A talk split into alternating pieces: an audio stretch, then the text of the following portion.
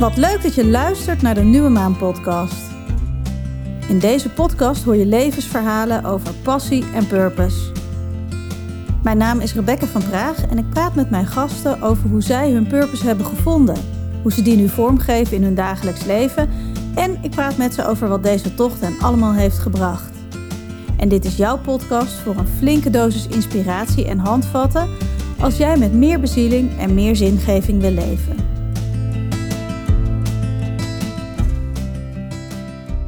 Nou, welkom bij de eerste solo-aflevering van uh, de Nieuwe Maan podcast.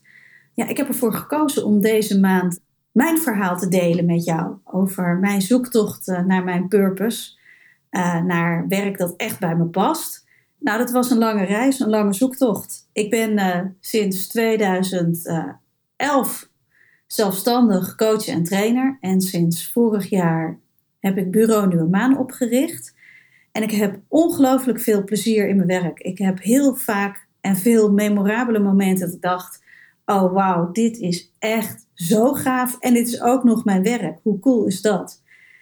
Maar dat is lang niet altijd zo geweest. En uh, nou ja, hoe dat allemaal gegaan is, uh, daarin neem ik je graag mee.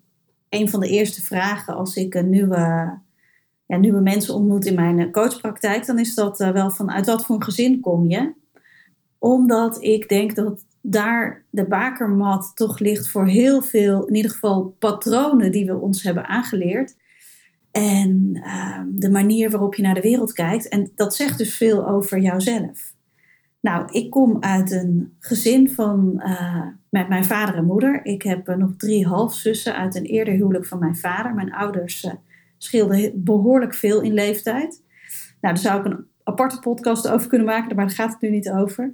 maar mijn ouders waren allebei uh, leraar in handarbeid of kunstgeschiedenis. En mijn vader was, uh, nou, de laatste, denk ik, weet ik eigenlijk niet precies hoe lang, maar de laatste tien jaar of zo, directeur van de Kunstacademie, toen in Amersfoort.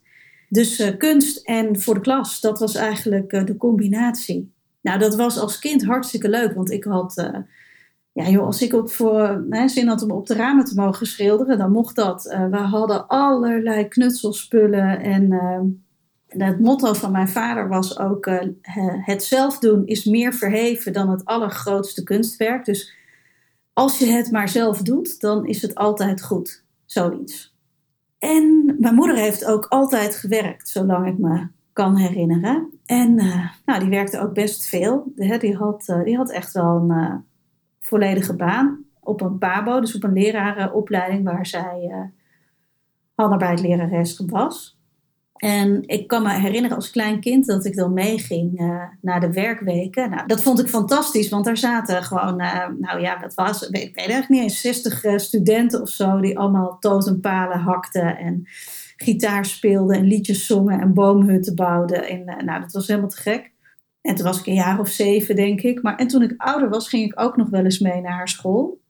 En ik kan me nog herinneren dat het me op een gegeven moment opviel dat mijn moeder zo'n, eigenlijk zo'n vakvrouw was. En dat hoeveel passie ze had voor haar werk. En dat ik dacht, ja, maar dat heb ik. Wat, ja, wat moet ik dan worden? Want ik, dat, dat voel ik nergens voor. Nou, dat was wel het begin, denk ik, dat ik me realiseerde: oh ja, je hebt dus mensen die bevlogen zijn in hun werk en mensen die gewoon werk hebben. En nou, vanuit het gezin waar ik vandaan kom, was het eigenlijk heel gewoon dat je bevlogen was in je werk. En mijn vader werkte al heel lang niet meer, want die was al uh, nou, met pensioen toen ik uh, heel jong was, maar die was nog wel, die had zijn eigen atelier en die gaf uh, nog elke week poetseerles. Dus op een bepaalde manier werkte hij wel, maar gewoon als zelfstandig kunstenaar, zeg maar. Maar dat was dus het voorbeeld wat ik had. Twee ouders die heel erg bevlogen waren in het, nou ja, ik zou niet eens zeggen beroep, het was meer een soort way of life. En eigenlijk vanaf het moment dat ik me realiseerde dat ik keuzes moest maken om daar naartoe te werken of om ook dat te gaan vinden, raakte ik eigenlijk een beetje in de squeeze. Want ja, ik vond een heleboel dingen leuk. Maar dat vond ik dan ook meteen best wel weer moeilijk ik heb heel fanatiek gedanst. Ik vond alle creatieve dingen leuk. Maar ik weet ook nog dat ik op zo'n dansacademie kwam. En dat ik wel meteen zag van ja, dit is toch wel next level. Dan het, uh, de paar uurtjes in de week die ik in die dansschool eh, besteed. Dus dat vond ik al lastig. En uh, ja, dan moet je kiezen op de middelbare school voor nou ja, welke vakken en de opleiding daarna. En ik heb toen toelating gedaan ook voor de kunstacademie. Nou, maar liefst twee keer of drie keer zelfs, dat weet ik niet eens meer. En ik ben ook aangenomen, maar ik durfde gewoon niet. Ik vond die mensen er allemaal zo uh, werelds en zo volwassen. En uh, ik denk dat ik een enorme faalangst had om daartussen te gaan zitten. Uh, dus ik deed het niet. En ik had daar dan, nou ik weet niet precies welke argumenten ik me toen mezelf heb aangepraat, maar dat was vast heel wel bespraakt en doordacht. Maar eigenlijk de bottom line was dat ik eigenlijk gewoon niet durfde. En um, als ik zo kijk naar de hè, lijn die ik gelopen heb, komt dat wel vaak voor. Dat ik eigenlijk net een andere afslag heb genomen. En dat ik vast diep in mijn hart wel wist van ja, dit is eigenlijk niet wat ik echt wil. Maar wat ik echt wil vind ik zo spannend om daarvoor te gaan staan. En dat maakt me zo kwetsbaar, want als dat niet lukt, wat dan? dat ik dan voor een andere route heb gekozen. En achteraf, weet je, maakt het niet zoveel meer uit. Geloof ik nu dat je uiteindelijk wel uitkomt waar je wezen moet. Alleen ik heb dat wel heel lang als ingewikkeld ervaren. Want toen ben ik communicatiewetenschappen gaan studeren. Eerst een HBO-opleiding en daarna naar de universiteit. En met het idee dat daar heel veel in zat wat ik leuk vond. Namelijk creativiteit, schrijven, uh, maar ook de beeld van, van advertenties en, en hoe dingen eruit zien uh, in folders en tijdschriften en dat soort dingen. Dus dat creatieve stuk vond ik belangrijk en leuk. En dat trok me aan, maar ook de menskant. En waarom doet nou iemand wat hij doet? En dat is eigenlijk wat me altijd wel heeft bezig gehouden. En uh, mijn moeder zei ook wel eens dat ik altijd heel erg aan het observeren was. En dat is misschien ook wel omdat ik ja, als enig kind altijd tussen die volwassenen zat nou, ook niet altijd, maar in mijn herinnering toch relatief vaak. En ja, was ik aan het kijken wat ze doen, wat zeggen ze nou precies. Ik vond dat ze ook heel vaak hele rare dingen zeiden. En dat begreep ik dan niet. Ik was er altijd heel erg mee bezig. Van waarom zeggen mensen nou wat ze zeggen en waarom doen ze wat ze doen? En in de communicatie zag ik wel daar een soort uh, bruggetje. Maar ik vond die menskant, ik kreeg daar ook allerlei psychologievakken. En dat vond ik eigenlijk zo leuk dat ik dacht, ja, misschien wil ik daar wel meer van. Dus toen wilde ik overstappen, psychologie. En toen zei mijn vader, nou maak eerst maar eens wat af. Nou ja, dat was op zich natuurlijk een heel goed bedoeld advies vanuit liefde. Maar ik had eigenlijk achteraf misschien daar ook niet naar moeten luisteren.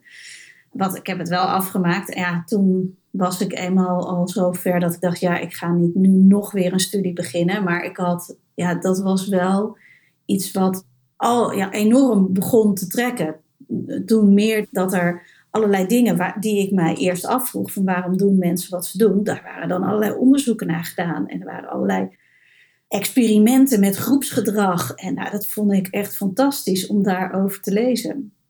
Maar goed, ik heb uh, dat pad niet bewandeld en ik ben naar de universiteit, uh, daarna ben ik gaan werken. En dat vond ik wel echt even heel erg tegenvallen.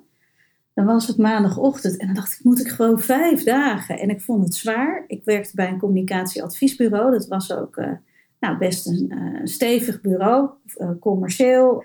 Je moest ja, een target halen. En ik vond de mensen, nou, er waren een aantal hele leuke. Maar er waren ook een aantal, ja, die waren zo anders dan ik op dat moment.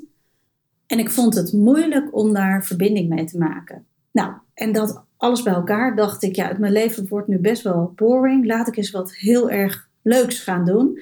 En toen had ik me ingeschreven voor een cursus kleinkunst. Want ik schreef ook altijd gedichten. En in die beschrijving van die cursus stond: uh, breng je gedichten op het podium of zo. Dat dacht, nou, dat is wel leuk. Nou, toen kwam ik daar en toen ben ik echt gegrepen door het theater. Ik vond het fantastisch. En ik heb daar nou, een jaar of vijf alles bij elkaar, denk ik, uren en uren en uren aan besteed. Ik, had, uh, ik deed dus een, een, een, cursus, wat eigenlijk meer een soort opleiding was, maar uh, in kleinkunst. En uh, ik had een programma en we hadden optredens en we hadden een groep waarmee we elke keer ehm, elkaar werk lieten zien en daarin eh, nou, ja, dat weer leuker maken of verbeteren of mooier maken. Nou, ik begon toen ook met allerlei festivals af te lopen waar ik aan deelnam. Met het hoogtepunt dat ik het Zwols Cabaret Festival Nou, ik weet niet eens meer of ik nou won of niet. Uh, nou, ik kreeg wel een prijs in ieder geval. En ik zat in de kleedkamer van Theo Maassen. Die, dus zijn naam stond nog op de deur. Dus dat was voor mij eigenlijk al winnen. En dat was gewoon een hele gave avond. Dus dat was te gek.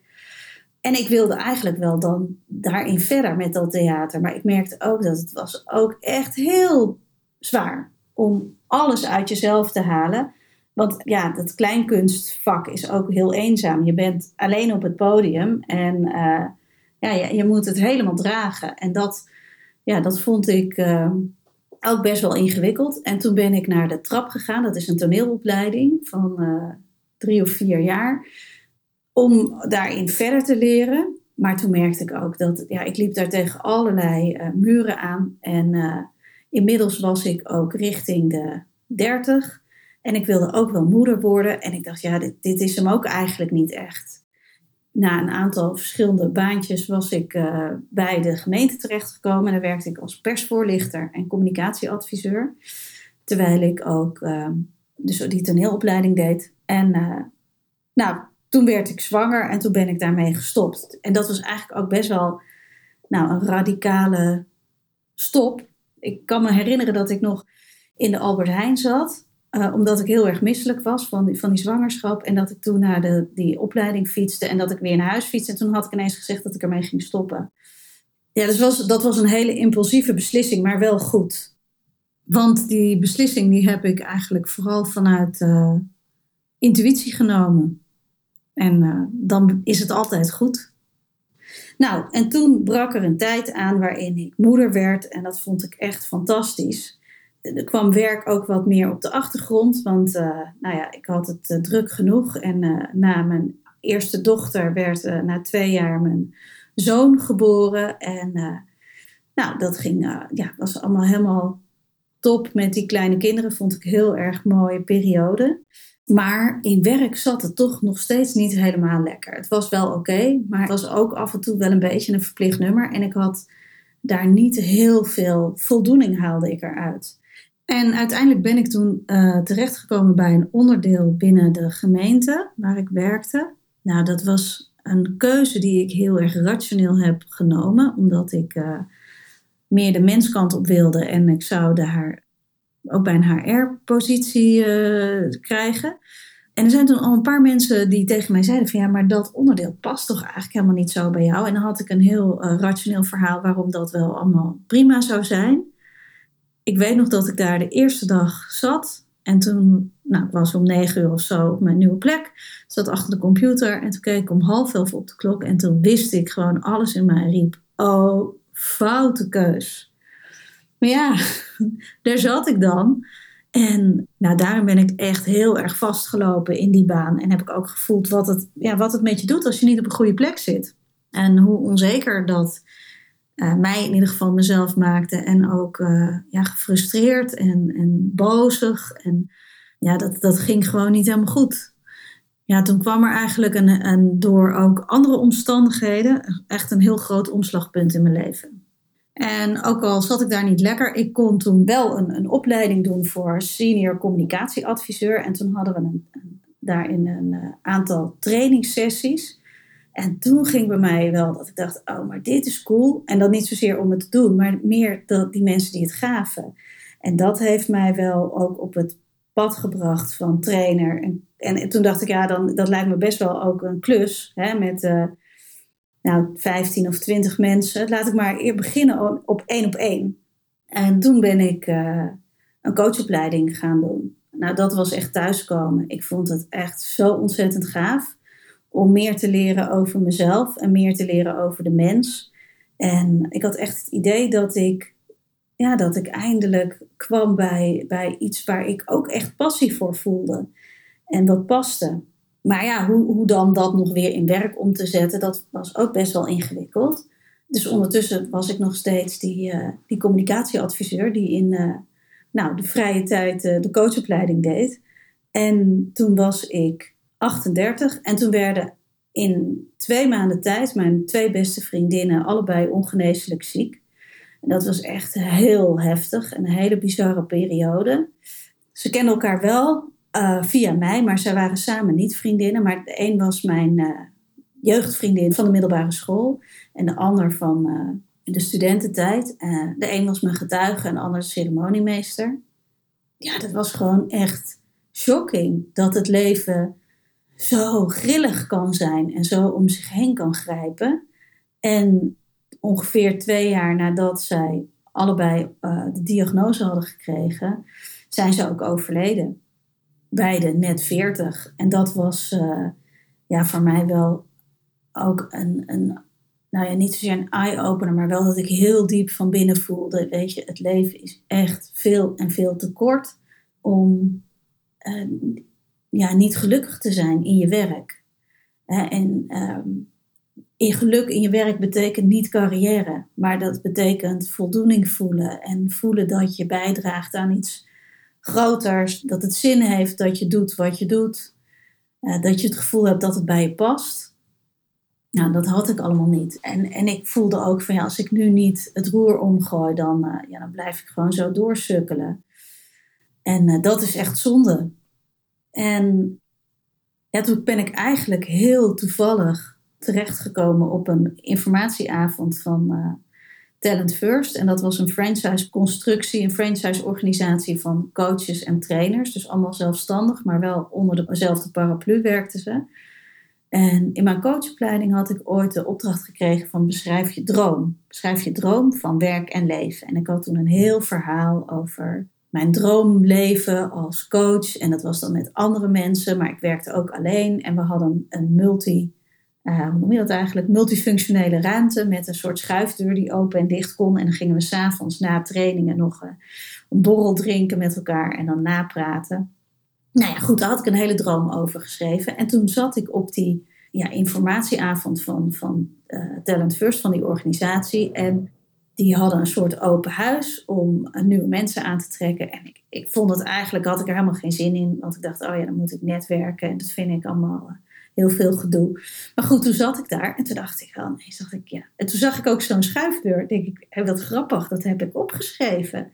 En toen keek ik nog een keer, dacht ik, ja, maar ik heb, dit is gewoon wat ik beschreven heb. En toen dacht ik ook, ja, als ik dit niet verder ga onderzoeken, dan saboteer ik mijn eigen droom. Dus dat heb ik gedaan. Die open avond was in februari en uiteindelijk ben ik 1 juli aangesloten. Dus het was elke keer een stap. Hè. Was een heel aansluitingsproces. En ik dacht elke keer, nou weet je, ik neem gewoon de volgende stap en dan zie ik het wel. Maar dat was wel het begin van een enorme ja, wind onder mijn vleugels. Dat ten eerste ik als zelfstandig ondernemer werd. Van ambtenaar naar zelfstandig ondernemer. Nou, dat is best een spagaat. dus een enorm appel werd er gedaan op mijn eigen zelfstandigheid, op mijn eigen verantwoordelijkheid. En ook wel op wat ik ook wat me heel erg gestimuleerd heeft, waren de mensen die daar werkten. Want die hadden ook allemaal wel zo'n soort stap gemaakt. En bij hun was het gelukt. En ik weet ook nog dat ik met een, eh, nou, dus nu een vriendin, maar dat ik met haar ging koffie drinken om ook eens te horen van hoe is dat bij jou gegaan. En, en zij zei, ja, als ik het kan, kan jij het ook. Nou, dat zinnetje is wel een beetje een mantra voor mij geworden, omdat dat roer omgooien, ja, was echt stormachtig in het begin. En dan hield ik me dat maar weer voor, van nou, elke keer één stap. En dan zie ik wel weer verder. En ja, het heeft mij ongelooflijk veel gebracht om ja, de niet, de niet, uh, het niet gebaande pad te kiezen. Maar een pad te kiezen waarvan ik ergens diep in me van binnen voelde, ja, maar dit is het. Maar het is niet makkelijk. Het was best wel ingewikkeld soms. En heftig. En het confronteerde mij met allemaal patronen waarin ik eigenlijk heel erg veel behoefte heb aan controle en aan zekerheid en aan bevestiging. Nou, dat kreeg ik allemaal niet. Sterker nog, eerder het omgekeerde. Maar ja, daar heb ik wel stappen in kunnen zetten, letterlijk in mijn eigen ondernemerschap, maar ook in, in loskomen van al die oude patronen. Dat was wel een mooie tien jaar. En daar heb ik heel veel gedaan en heel veel geleerd en heel veel gelachen. Ik heb me ontzettend uh, gelaafd aan allerlei verschillende opleidingen. Ik heb mijn uh, coachopleiding uh, afgemaakt. Nou ja, dat was eigenlijk een, een, drie coachopleidingen, want het zijn drie niveaus. Dus, waarvan het laatste niveau twee jaar. Dus alles bij elkaar was dat vier jaar. Ik heb verdieping gedaan in Jungiaans werken. Dus dat is heel erg vanuit werken met het onbewuste en dromen, betekenissen en tekeningen.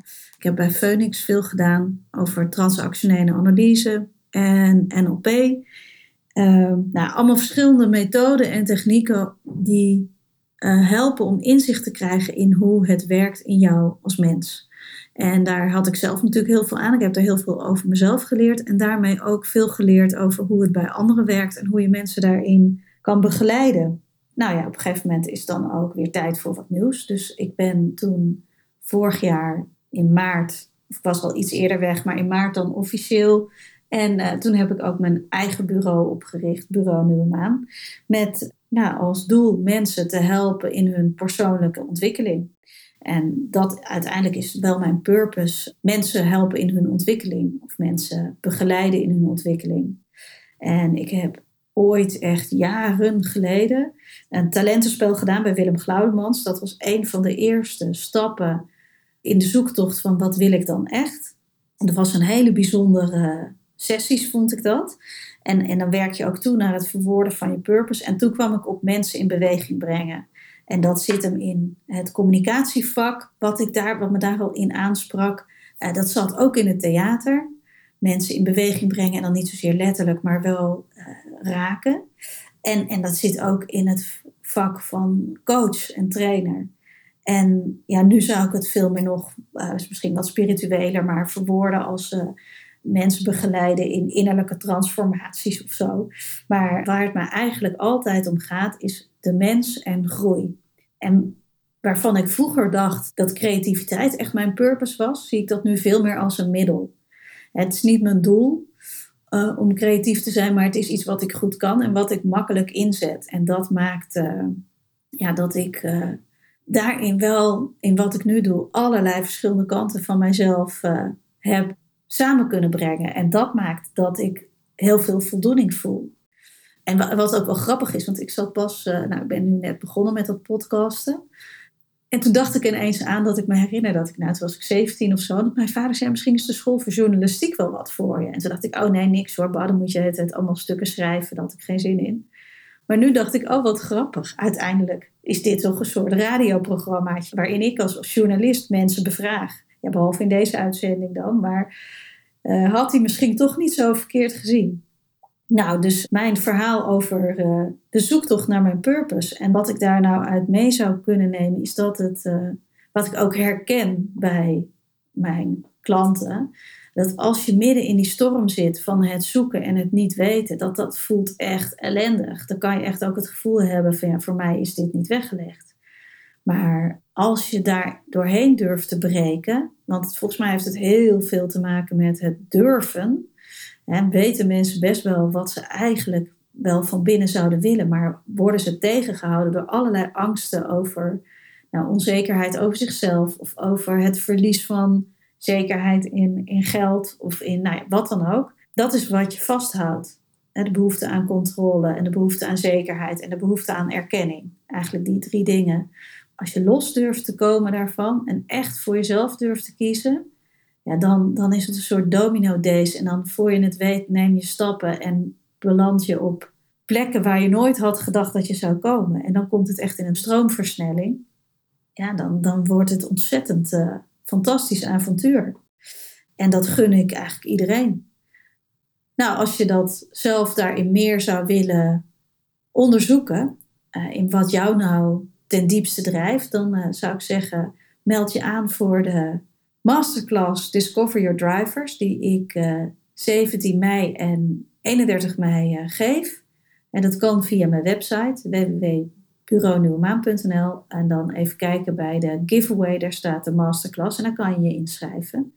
En dan leer je meer over je eigen drijfveren. vertel ook het een en ander over welke overtuigingen je nou tegenhouden en over hoe het nu werkt om je purpose te vinden. Want ik heb daar wel ja, een aantal bouwstenen die je daarin kunnen helpen. En het kennen van je drijfveren is daar een hele belangrijke bouwsteen in. Nou, ik ben heel benieuwd wat je van deze uitzending vond. Laat het me weten en dankjewel voor het luisteren.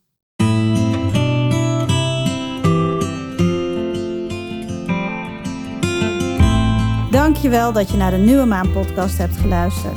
Ik hoop dat dit gesprek je heeft geïnspireerd om jouw purpose te voelen en te leven.